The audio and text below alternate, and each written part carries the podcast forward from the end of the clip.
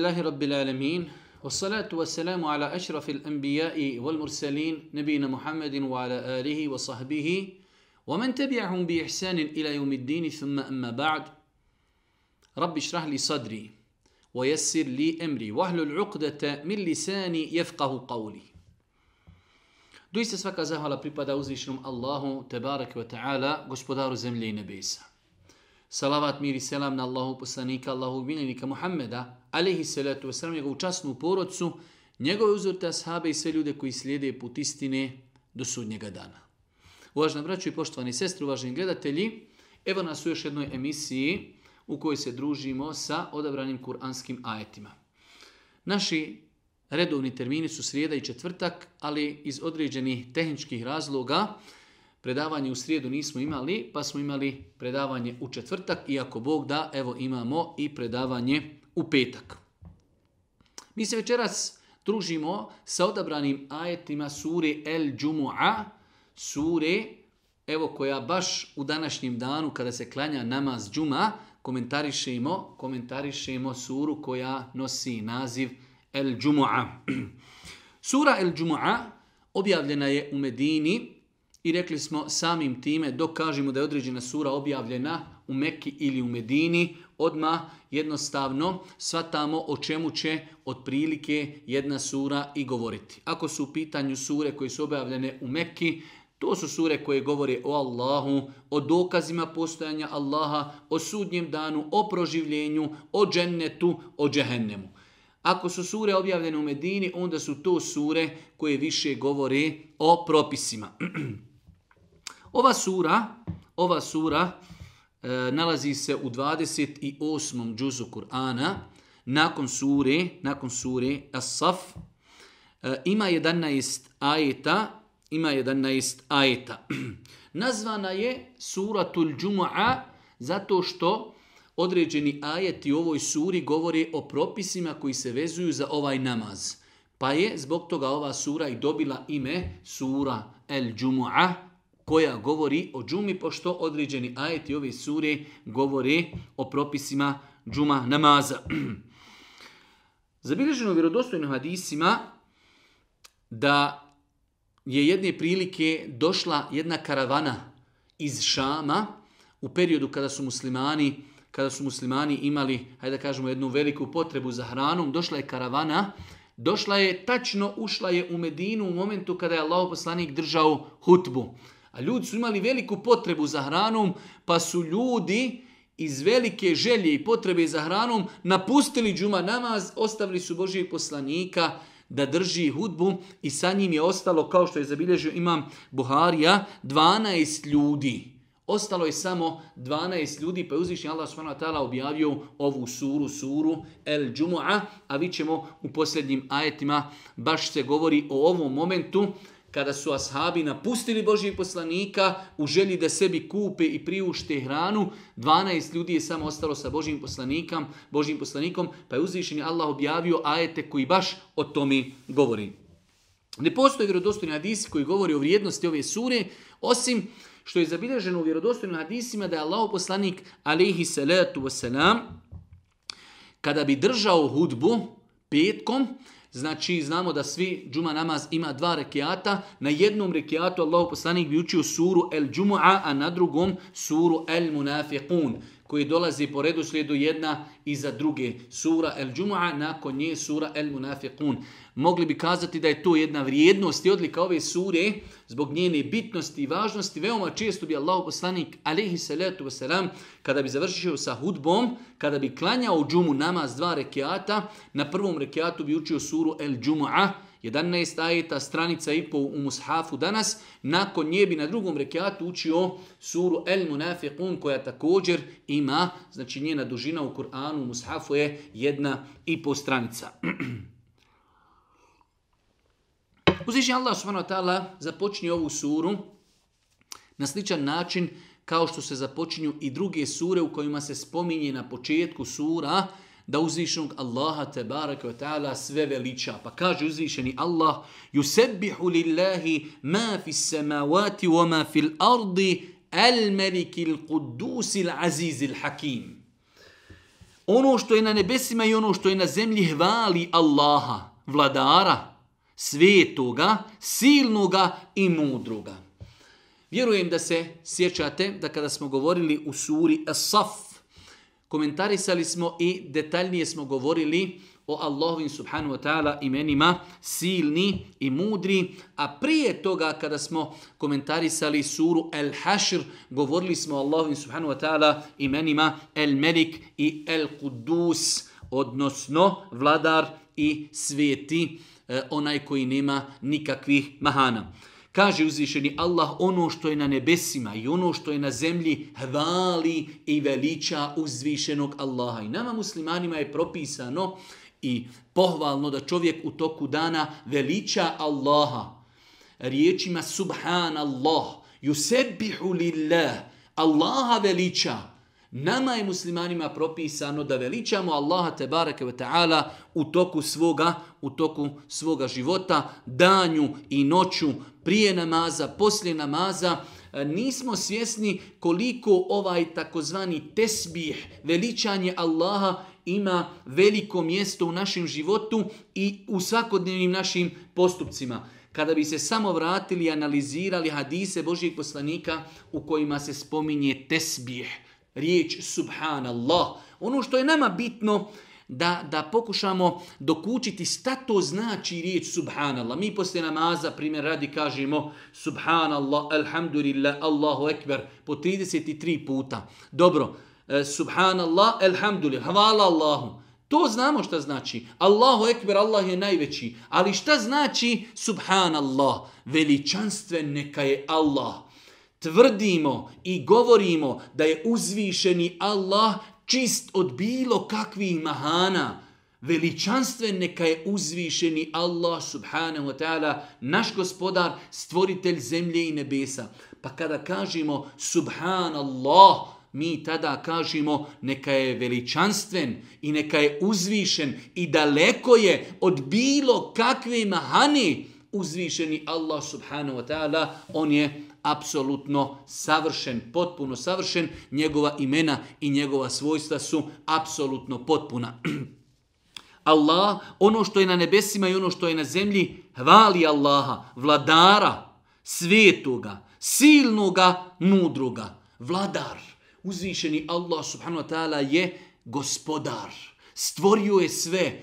On je istinski vladar i zemlje i nebesa i onoga što je na nebesima i na zemlji i ovog svijeta i budućeg svijeta. Zato je došlo u suri El-Fatiha Maliki jeumidin, vladar sudnjega dana.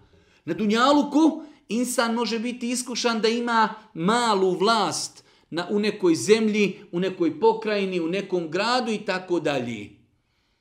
Ali istinska vlast je vlast kod uzvišenog Allaha, a ta vlast će se najviše manifestovati na sudnjem danu. Kada uzvišeni Allah subhanahu kaže, a gdje su sada vladari, dunjalučki vladari? Nema. Istinska vlast je vlast uzvišenog Allaha subhanu wa ta'ala, vladara svetoga, el kudus, onaj koji nema nikakve mahani, apsulos, apsolutno savršen, onaj koji zaslužuje da mu se robuje, da mu se ibadeti čine silnoga, mudroga, rekli smo prošli put šta znači silni i šta znači mudri. Nakon toga u drugom, trećem i četvrtom ajetu uzvišeni Allah subhanahu wa ta'ala kaže Huwa alladhi ba'atha fil ummijine. Rasule minhum yatlu alayhim ayati wa yuzakkihim wa yuallimuhum alkitaba wal hikmah wa in kanu min qablu lafi dalalin mubin wa akharin minhum lamma yalhaqu bihim wa huwa al-azizul hakim dhalika fadlullah Yu'tihi men yasha'u wallahu dhul fadlil azim. Tri ajeta iz sure El Džuma. Drugi, treći i četvrti kaže uzvišeni Allah, on je Allah. Huwa alladhi, on je. Allah je neukima poslao poslanika.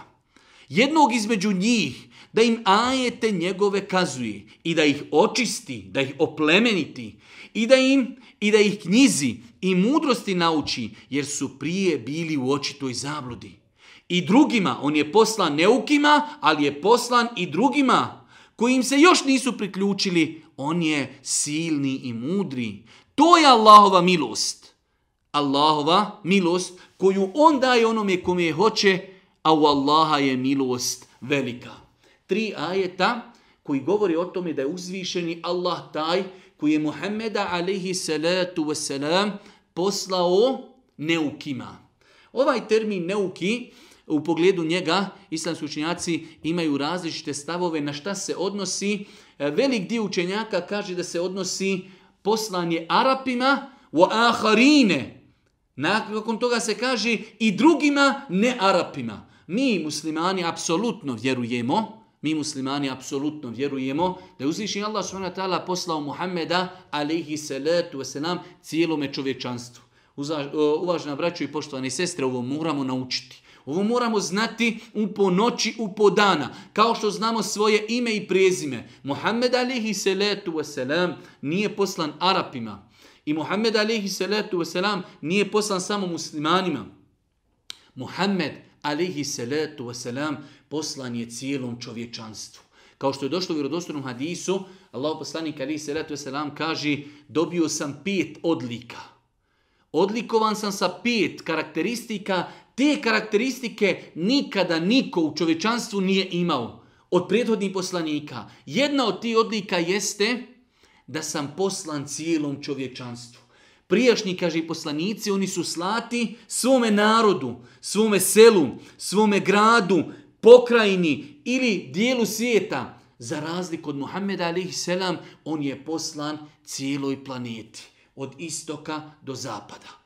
Svima je poslan Muhammed alihi salatu wasalam i više puta smo kazali dolaskom Muhammed alihi salatu wasalam derogirane su sve prethodne poslanice. Muhammed alihi salatu wasalam je kazao u vjerodostojnom hadisu kada bi Musa alihi salam živ bio kojim je objavljen Tevrat ne bi mu preostajalo ništa drugo osim da se meni pokori i da vjeruje ono čime sam ja došao. U drugom vjerodostojnom hadisu Allah poslanik kaže Svako dijete se rađa u prirodnoj vjeri. U prirodnoj vjeri. Ali njegovi roditelji, prirodna vjera, vjera islam, ali njegovi roditelji ga čine ili kršćaninom, ili židovom, ili e, vatropoklonikom i tako dalje.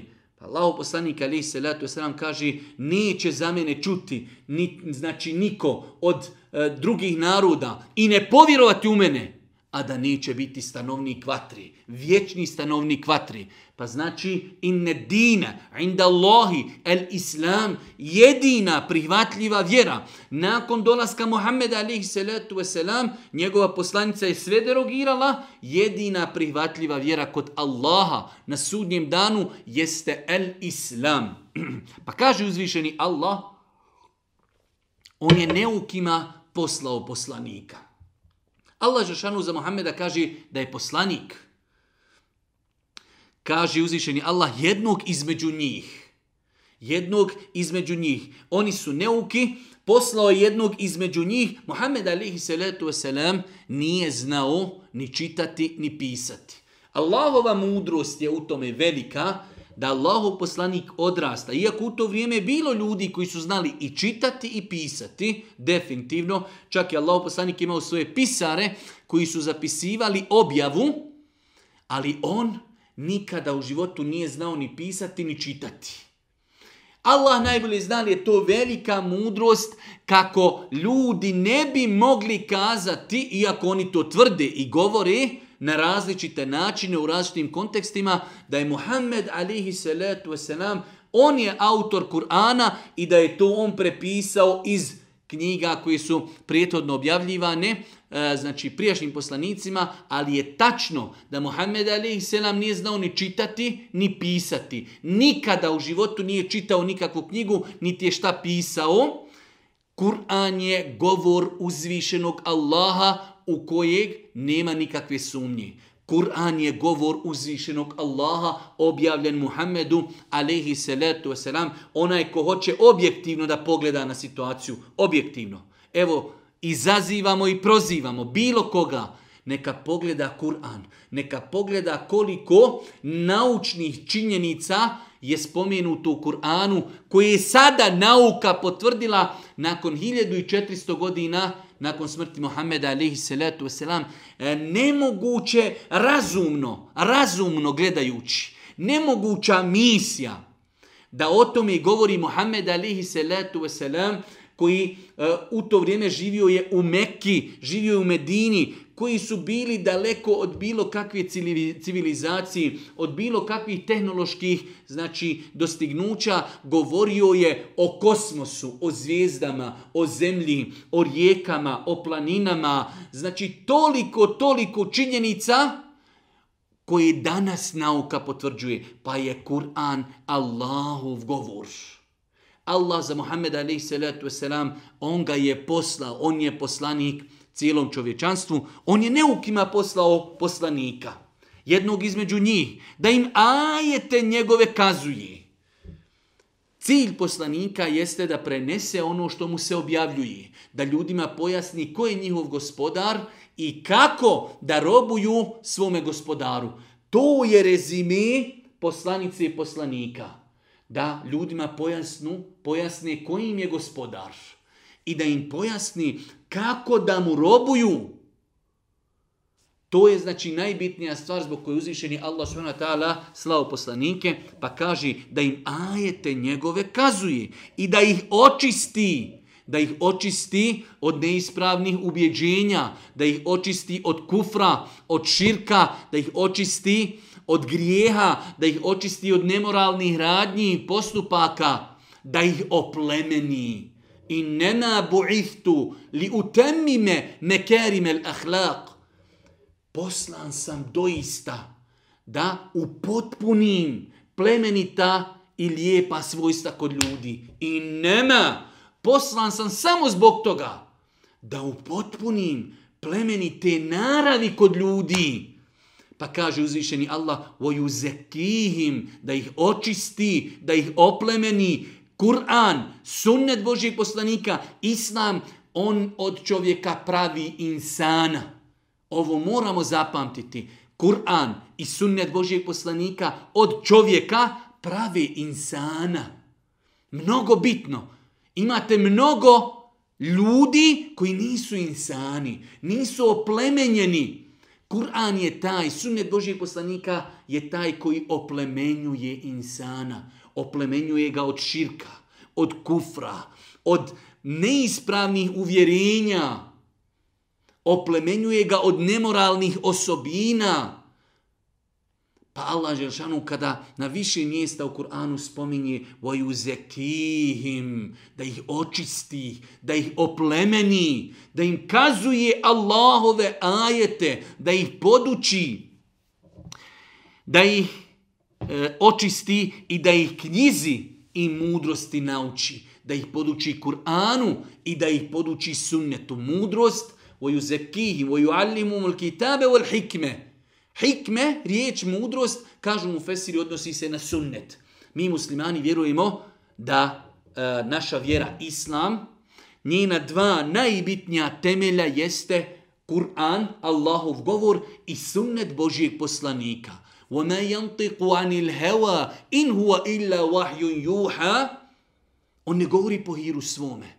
To je objava koja mu se objavljuje. Pa kada imamo vjerodostojan hadis, Mi čvrsto vjerujemo da je to objava od uzvišenog Allaha subhanahu wa ta'ala, da je to Allahu poslanik rekao uz dozvolu svoga gospodara. وَمَا يَنْتِقُ عَنِ الْهَوَا On ne govori po hiru svome. To je objava koja mu se objavljuje na koliko mjesta u Kur'anu Allah Đerašanu kaže o vjernici, pokorite se Allahu i pokorite se Božijem poslaniku, ja ju ledina amenu, ati'u Allaha, wa ati'u Rasul. O vjernici, pokorite se Allahu, pokorite se poslaniku. Kako se pokoriti poslaniku? Pokoriti se i prihvatiti njegov sunnet. Alikum bi sunneti, kaže Allah poslanik, čvrsto se držite moga sunneta. Nažalost, živimo u vremenu kada se sve više i više pojavljuje sekta, sekta koja negira sunnet. Allahu poslanik ali se letu wasalam, koji ne govori po hiru svome, nagovijestio je dolazak sekti, sekti, baš sekti, koja će kazati dovoljno nam je ono što imamo u Kur'anu. Toliko je jednostavno odgovoriti takvim ljudima. A kako klanjate? A kako postite? Kako zekija dajete? Kako nahađ idete? Ako ne uzimate u obzir sunnet Božijeg poslanika, alaihi salatu wasalam, pa kaže, očistit će ih, podučit će ih knjizi, Kur'anu, podučit će ih hikmetu, mudrosti, sunnetu Božijeg poslanika, alihi salatu wasalam, jer su prije bili u očitoj zabludi. Prije Muhammeda alihi salatu wasalam bili su u dalaletu, u zabludi, u kufru, u širku, u nemoralu, pa je uzvišeni Allah se smilovao čovječanstvu, poslao Muhammeda alihi salatu wasalam da ljudima ukaži na put istine, da ih izvede na put svjetlosti Kur'ana i sunneta, pa kaže uzvišeni Allah, jer su prije bili u očitoj zabludi. I drugima, na početku kaže, on je neukima poslao, rekli smo da mu Fesiri kažu Arapi. I drugima, koji im se još nisu priključili, on je silni i on je mudri. On je silni i on je mudri, poslani Muhammed alihi salatu wasalam, kao što kažu neki mufesiri, ovo neuki misli se na Arapi, a drugi ne Arapi. Pa je Muhammed alihi salatu wasalam, kazali smo poslan, kao što o tome govori drugi vjerodostojni argumenti, poslan je cijelom čovječanstvu. Svi oni koji čuju za Muhammeda, imaju opciju da vjeruju i da ne vjeruju. Onaj ko povjeruje, on je se spasio. Onaj ko ne povjeruje, može očekivati vječnu patnju u džehennemu, a s druge strane oni koji su vjerovali u nekog drugog poslanika. Prije nego što su čuli za Mohameda, pa čuju za Mohameda, pa povjeruju u njega, imat će duplu nagradu kod uzvišnog Allaha na sudnjem danu, jer su vjerovali u jednog poslanika, pa kada su saznali za Mohameda i njegovo poslanstvo, prihvatili su, jer su ih tako učili poslanici u koje su oni vjerovali.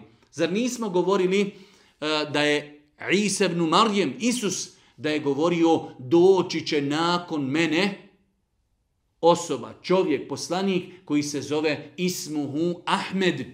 Doći će, nagovijestio je Isa ibn Marijem, Isus, nagovijestio je dolazak Muhammeda, alihi salatu wasalam, wa mubashiran bi rasulin, jeti min ba'd ismuhu Ahmed, obavještavam vas, e, donosim vam radosnu vijest da će nakon mene doći Rasul, poslanik, kojim će biti ime Ahmed.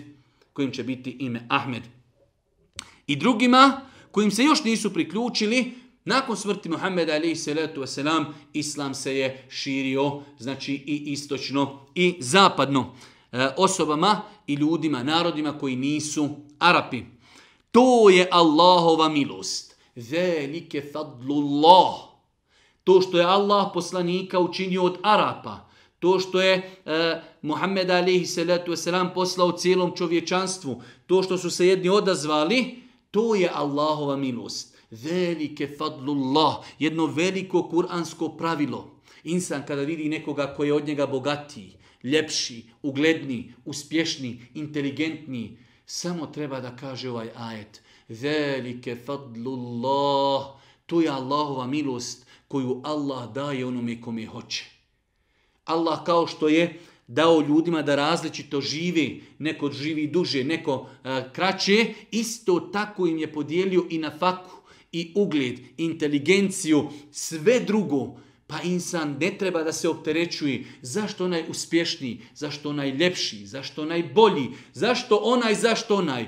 Velike fadlullah. To je Allahova milost. On je daje onome kome hoće. Što više čovjek bude imao blagodati, više će i odgovarati na sudnjem danu.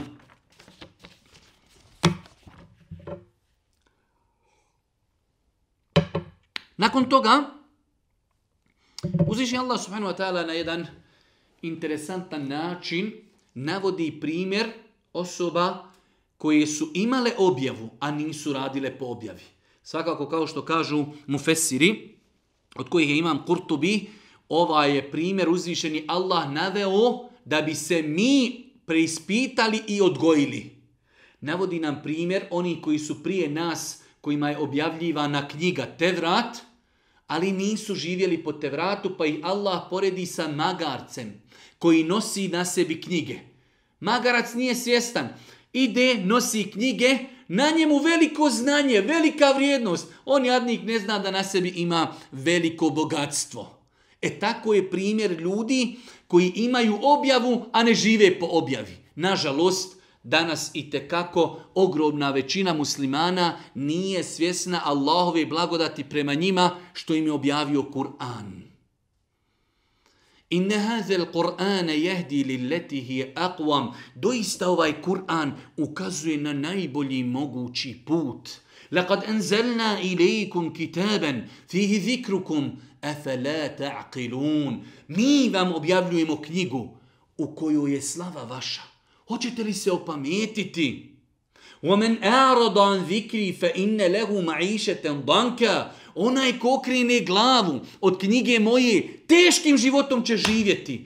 Kur'an je poslan da bi nas usrećio, da bismo bili sretni i zadovoljni i uspješni. Onaj ko krene glavu od Allahove knjige, na dunjalu kuće živjeti teškim životom.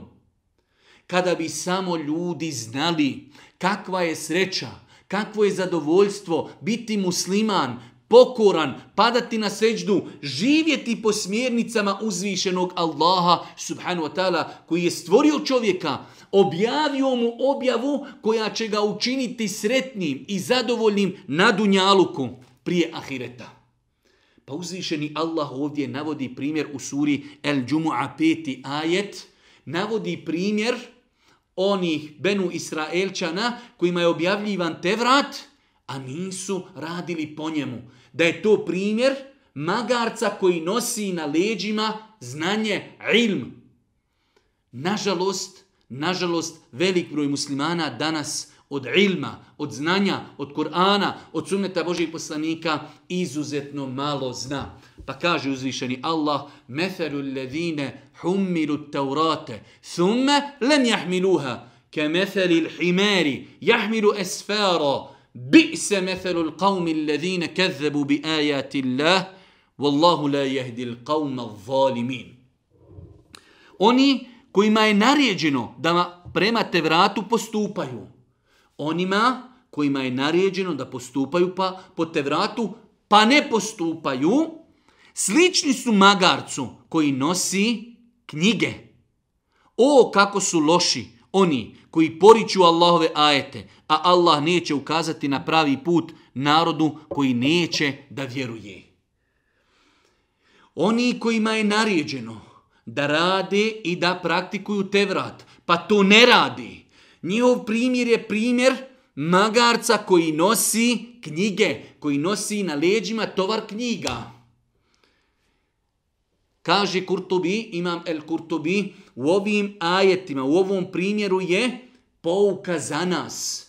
O muslimani, nemoj da budete kao što su bili oni prije vas, koji su imali knjigu, koji su imali objavu, pa nisu živjeli po njoj, nisu prakticirali ono što od njih traži i ono što im nalaži Allahov govor i njegova objava, e primjer takvih je primjer magarca koji nosi knjige, a siroma nije svjestan kakvu vrijednost nosi na svojim leđima. Čak šta više, kaže imam Ibn Kathir, rahmetullahi alehi, primjer ljudi koji imaju objavu, pa ne rade po njoj, gori je od primjera magarca, jer magarac jadnik, on je, Allah ga stvorio da nosi teret.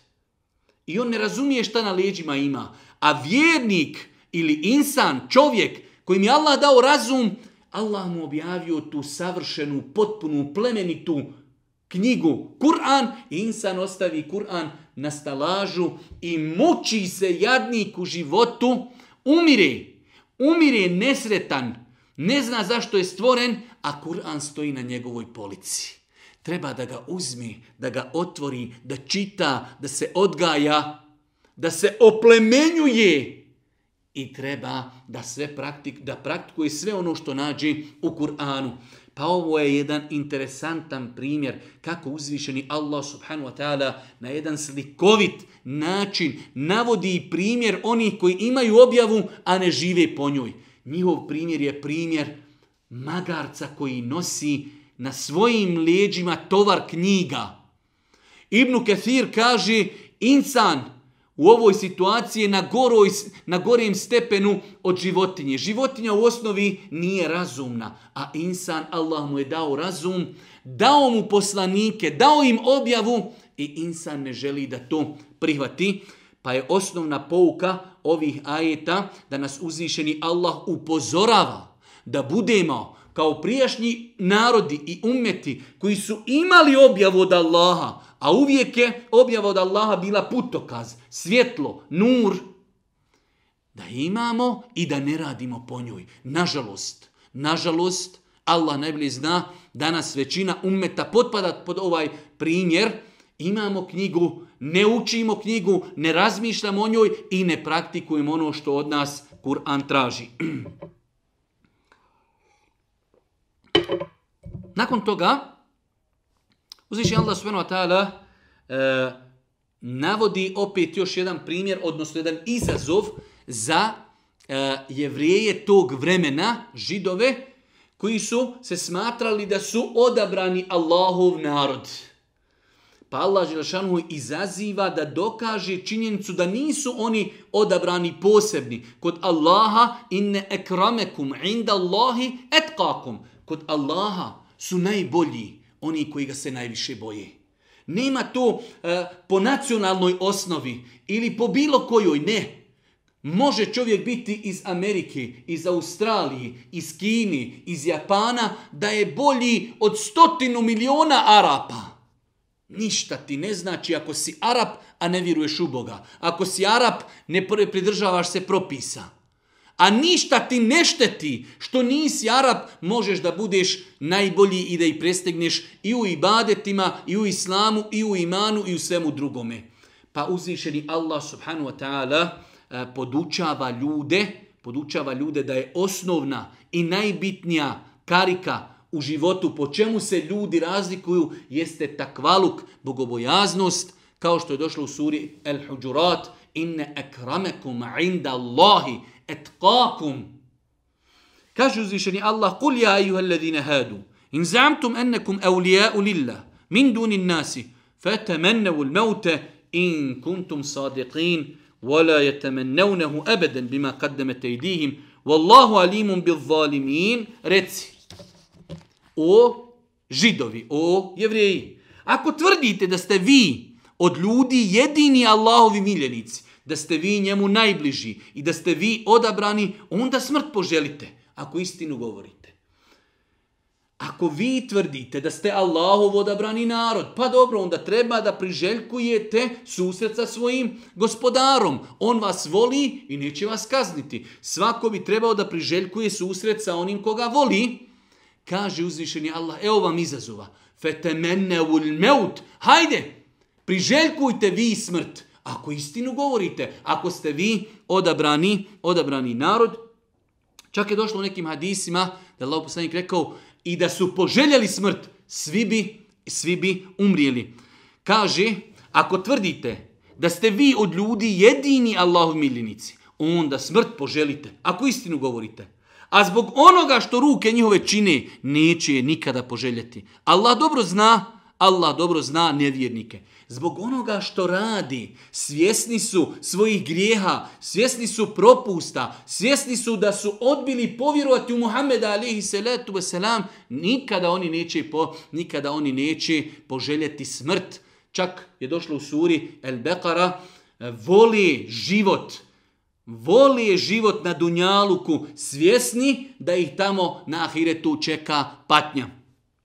Kaže uzvišen Allah nakon toga u osmom ajetu suri El Džum'a Kul innel mautel ladhi tefirrune minhu innehu mulaqikum ثم تردون إلى عالم الغيب والشهادة فينبئكم بما كنتم تعملون reci o Muhammede reci jevrejima, židovima koji tvrde da su odabrani narod, neka poželi smrt. Neće poželjeti smrt zbog grijeha koje čini i znaju stvarnost, Ali u svemu tome, bez obzira što neće poželjeti smrt, opet će i ta smrt naći. Pa kaže, smrt od koje bježite, zaista će vas stići.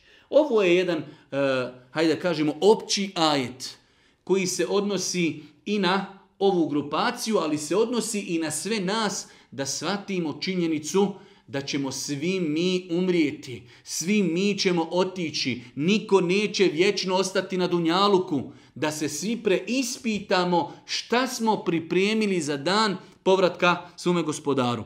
Smrt od koje bježite zaista će vas stići. Zatim ćete onome, Allahu, koji poznaje i nevidljivi i vidljivi svijet, vraćeni biti. I on će vas onome što ste radili obavijestiti. Allahu akbar.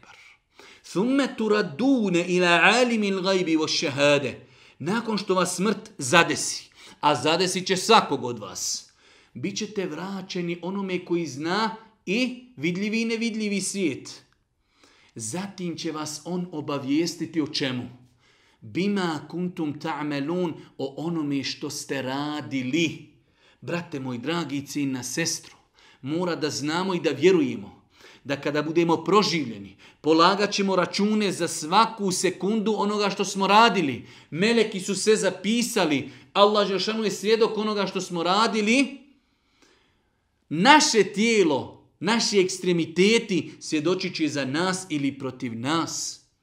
Pa kaže, bit ćete obavješteni o onome što ste radili. Insan treba da kada čuje ovakve ajete, da ga takvi ajeti odgoji, da ga podstaknu na razmišljanje, da ga podstaknu na pripremu. Ja, rab, bit ću proživljen, bit ću usmrćen, bit ću proživljen, polagat ću račune, bit ću obaviješten o svemu što sam radio. Pa ovakvi ajeti čovjeka odgajaju.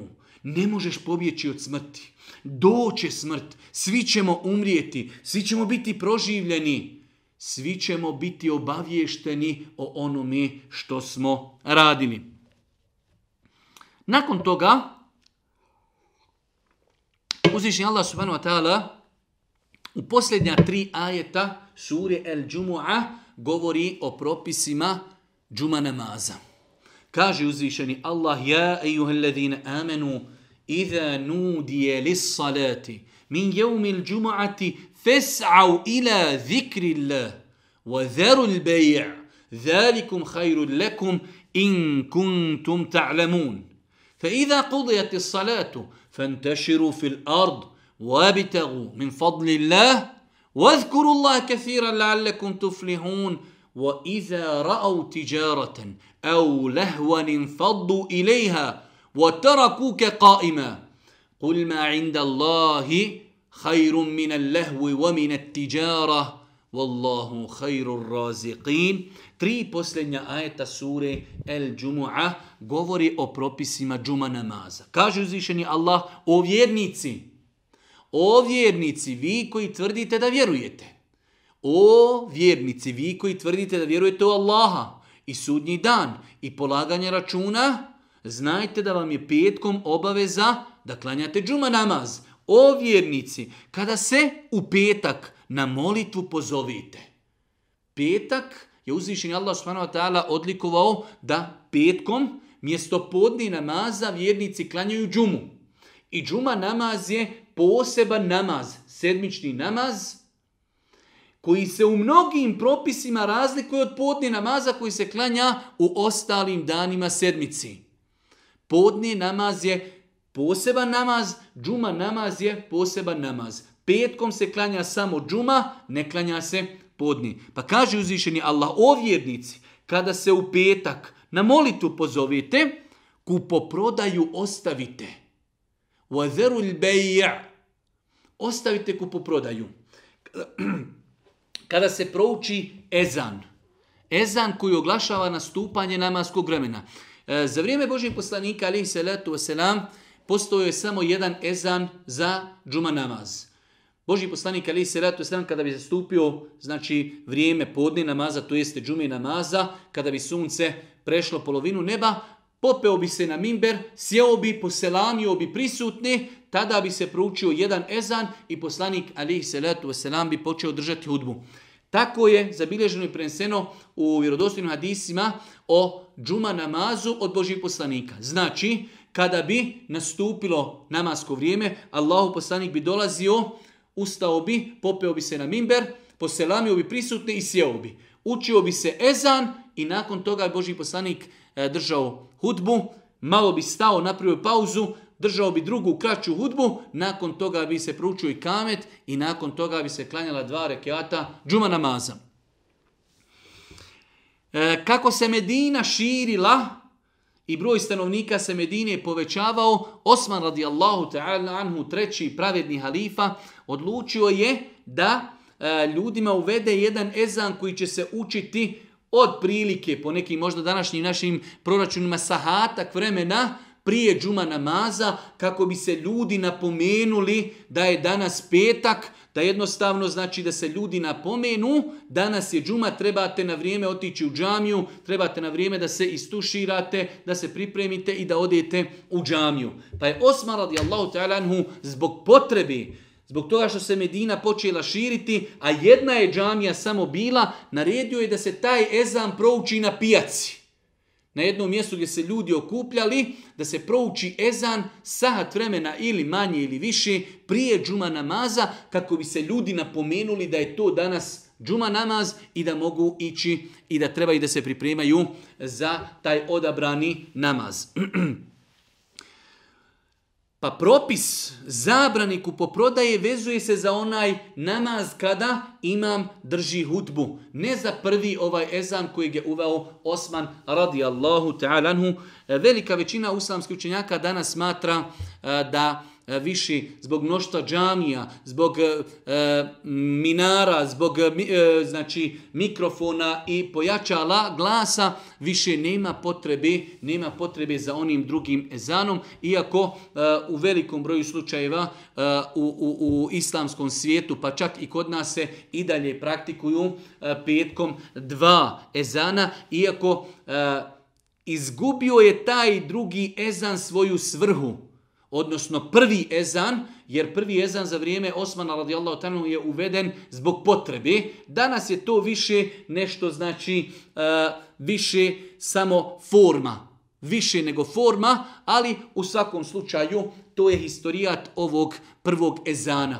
Pa se u islamu, znači kada se prouči uh, ezan koji se uči nakon nastupanja namaskog vremena, e, džume namaza, zabranjeno je više muškarcima koji su obavezni da klanjaju džumu namaz, da se bavi kupoprodajom i kupoprodaja nakon ezana petkom je zabranjena i neispravna. Pa kaže uzvišeni Allah s.w.t. o vjernici, kada se u petak na molitvu pozovite, kupoprodaju ostavite i pođite molitvu obaviti. To vam je bolje, neka znate. Velike hajru lekum, To vam je bolji. Nažalost, nažalost, e, velik broj muslimana danas u ummetu ne razumije da je najbitnija i najpotrebnija i najvrijednija stvar u našem životu naš namaz. Velike hajru lekum. To vam je najbolji. To vam je bolji nego da idete i trčite za dunjalukom. Vidjet ćemo. Nema smetnji. Petak nije svijeti dan u kojem mi ne smijemo raditi. U tom kontekstu. Završi džumu i odmah nastavi nastavi trčati za nafakum, ali namaz treba da se obavi. Došlo je u rodostojnom hadisu da Allah poslanik ali salatu letu selam kazao onaj ko propusti i kindiju namaz, i kindiju namaz upropaštena su mu prijašnja djela koje je uradio. A onaj ko propusti tri džume bez opravdanog razloga, njegovo srce će biti zapečačeno opasne, opasne prijetnje onima koji se poigravaju sa ostavljanjem namaza, a pogotovo sa ostavljanjem klanjanja džume namaza. Pa kaže uzvišeni Allah, pođite molitvu obaviti, to vam je bolje, neka znate.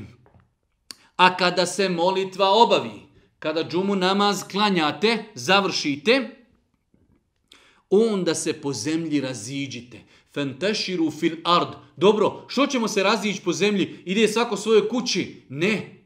Kaže uzvišeni Allah subhanahu wa ta'ala i Allahovu blagodat tražite.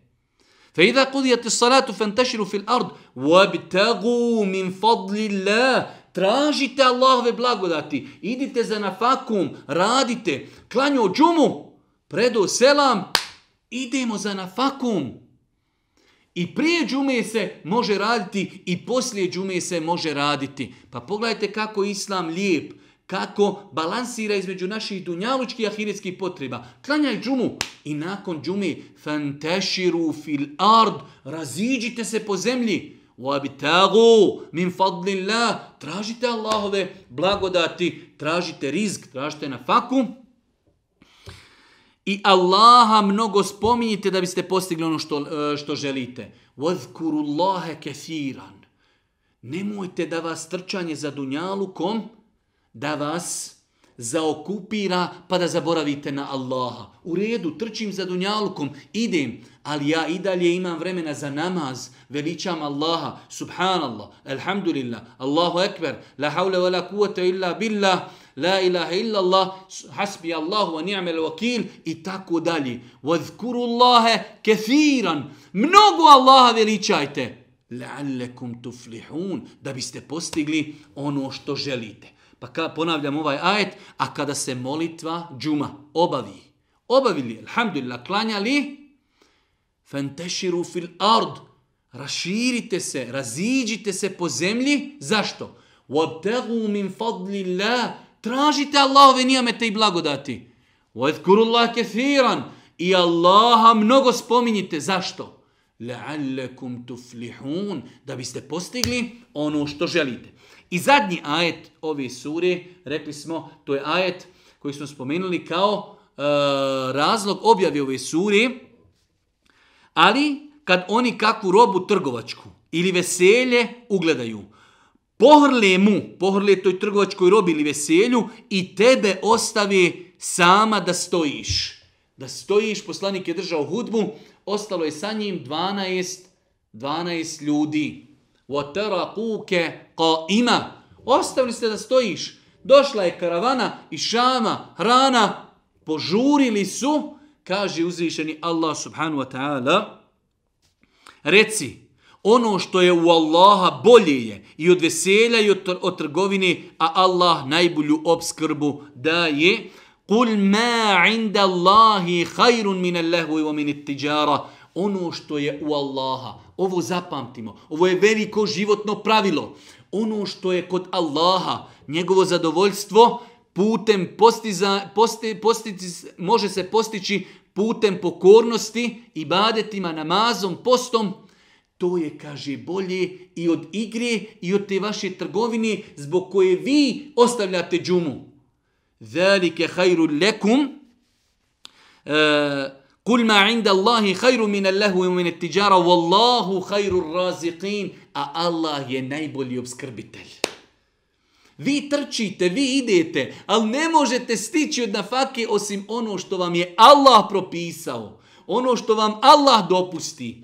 Pa je nelogično, vjerujte da je nelogično kada ljudi u 7 sati krenu na posao, idu za nafakum, a nisu prije toga klanjali sabah namaz, pa idu za nafakum, a zaboravili ustati na namaz da klanjaju onome koji daje nafaku.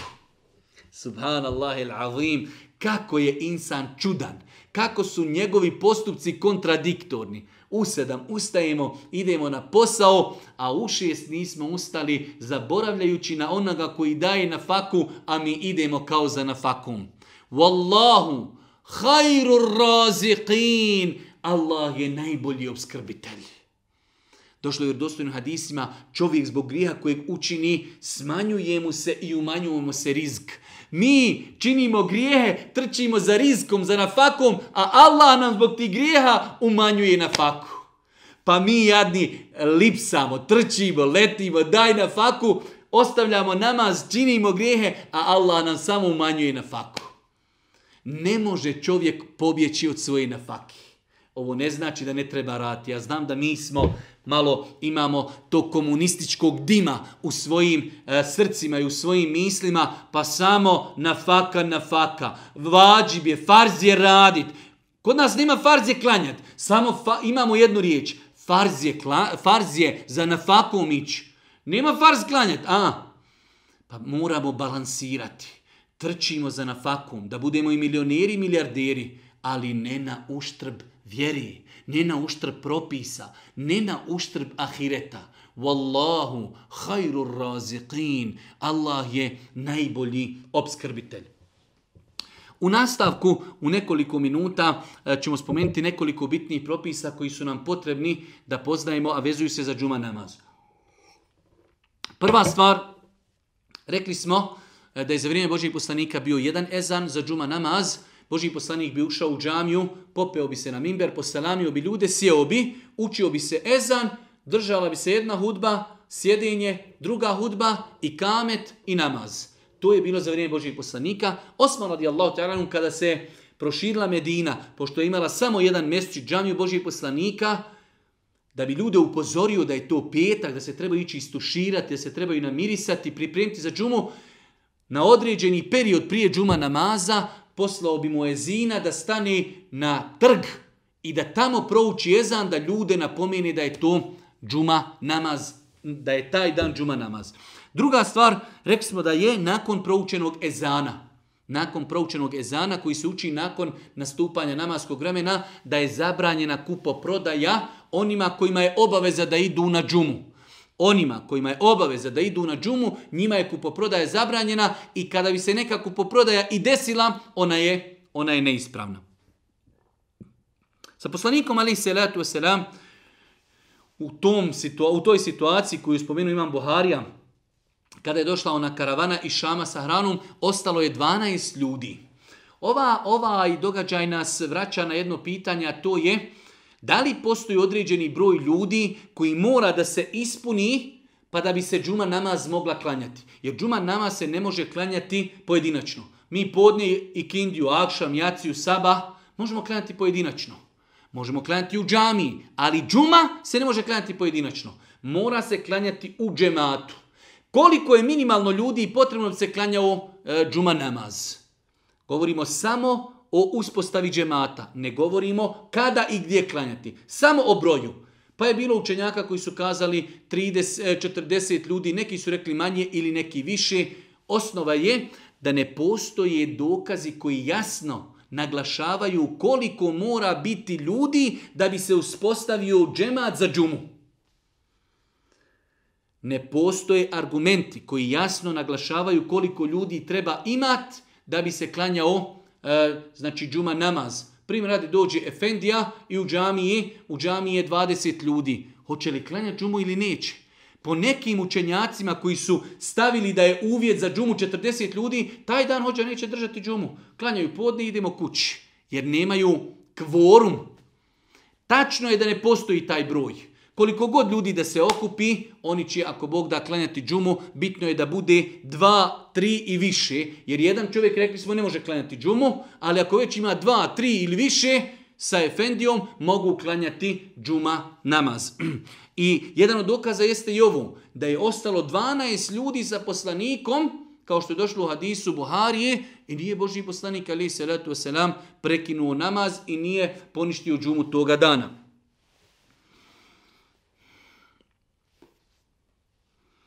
Džuma je obaveza svakom punoljetnom zdravom muškarcu, obaveza i došle su posebne prijetnje za one koji ostave tri uzastopne džume bez opravdanog razloga. E, četiri kategorije e, osoba su oslobođene od džume, žene, djeca, bolesnici i musafir. Četiri kategorije ljudi su oslobođene od džume, žene. Žene mogu doći na džumu, i ako dođu na džumu, klanjaće džumu za efendijom i džuma namaz je validna. Ali im nije obaveza.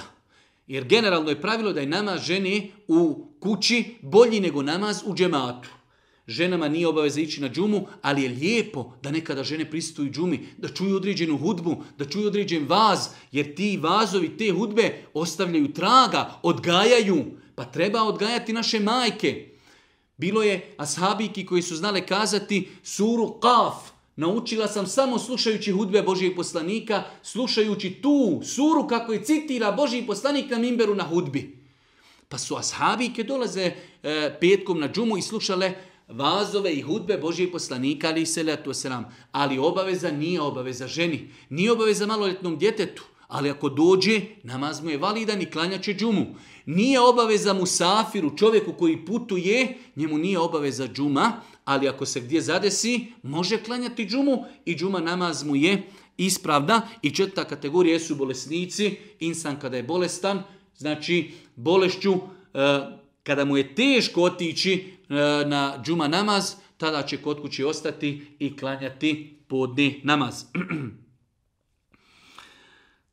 Prije džume je lijepo okupati se, pa po nekim učenjacima, manjinski dio učenjaka, smatruje da je čak i obaveza da se insan okupa prije džume namaz. Allah najbolje zna, e, lijepo je, pohvalno, e, onaj ko e, može Pogotovo za one koji imaju potrebu, ako su radili neki posao gdje su se mnogo znojili, da je lijepo, pošto džuma u većini slučajeva bude veliko okupljanje, ljudi su jedni kod drugi, pa ako bi došlo 10, 15, 20 ljudi koji se nisu istuširali, koji su znojni, onda bi to već otežavalo boravak u jednom, hajde da kažemo, tjesnom prostoru u džami, tako da je lijepo da čovjek kada ide na džumu, da se istušira, da se namiriši, znači jednostavno zbog svog tog ambijenta gdje će biti. Po nekom dijelu učenjaka lijepo je e, petkom proučiti suru Kehf.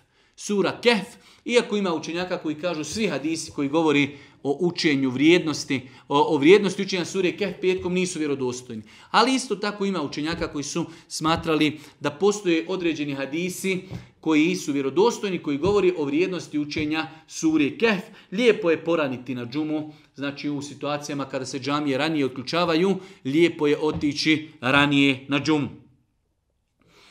E, kada se dolazi na džumu, klanja se tahijetul mesđid i može se nakon tahijetul mesđida klanjati na fila sve dok imam ne dođe i dok se znači ne popne na mimber, ali znači ono što je potrebno kada čovjek uđe da klanja dva rekiata, čak ako je malo i okasnio, pa imam počeo držati hudbu, čovjek će se negdje sklonuti gdje neće ljudima ometati pažnju praćenja hudbe, ali će čovjek i tada klanjati dva rekiata. Znači, ako smo došli prije uh, hudbe i prije džuma namaza, svakako klanjamo tehijetul mesri dva rekiata. Ako smo došli, a već imam, drži hudbu, negdje ćemo se sklonuti gdje ne smetamo ljudima, viđenje znači imama hatiba i klanjat ćemo dva rekiata, kratko sjesti i pratiti hudbu. E, nakon namaza, džuma namaz se klanja dva rekiata, nakon džume se ne ponavlja podni. Imamo praksu u određenim dijelovima islamskog svijeta da nakon džume klanjaju podni namaz, ali to nema nikakvog utemeljenja.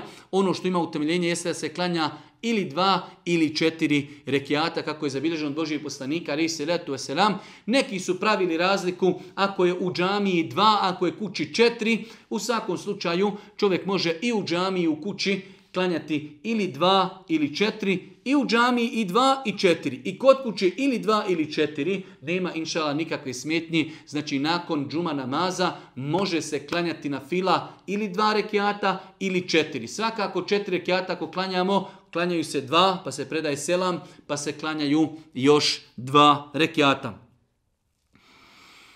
E, od propisa koji se vezuju za džumu, namaz jeste i to da džuma namaz je zaseban namaz i osoba koja je musafir, pa je negdje zaustavila se klanja džumu namaz, neće sa džumom namaz spojiti i kindiju. Znači nije zabilježeno, niti je preneseno od ashaba, niti Božih poslanika, ali se ratu selam, da su džumu namaz spajali sa ikindijom. Džuma namaz je poseban namaz i tako ga treba i doživljavati. Znači musafir, ako se petkom zaustavio da klanja džumu, onda će nastaviti putovati nakon ikindije klanja ikindiju, a ako nije stao da klanja džumu, onda kada klanja podni, ima pravo i da spoji sa njim i da spoji sa njim ikindiju kindiju namaz. Allah Žešanu molimo da nas učiti na putu istine, da nas poduči propisima njegove vjeri i na kraju subhaneke, Allahumma da bihamdike, ašhedu in la ilaha ila in stagfiruke, wa etubu ilik.